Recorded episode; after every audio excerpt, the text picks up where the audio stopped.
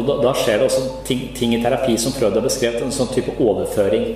Jeg kan sitte og, snakke med et menneske som sier 'jeg er aldri sint'. Og så forteller hun historier fra livet sitt hvor, uh, hvor hun har måttet ta veldig hensyn til mannen sin for uh, etter fødselen. Uh, hvor hun pressa en fire kilo med kjøtt ut av tissen.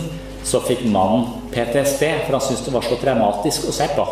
Blir du ikke sint? Nei, men han, han har jo sånn og sånn, så det er, jo ikke så lett for han, stakkars. Det var ikke så lett for han, stakkars. Da, til, da, da, jeg, da, blir jeg veldig aggressiv, og så får jeg lyst til å, å, møte dette mennesket og så presse en fotball opp i tissen på vedkommende. Når dette mennesket ikke er i kontakt med sin egen aggresjon, så vil det ofte det vil være der, vil være undertrykt. Ofte så siver det ut og blir tatt opp av de menneskene rundt. Så jeg blir på en måte uttrykket for hennes aggresjon. Så jeg uttrykker dette ganske tydelig, hva jeg syns om denne uh, situasjonen.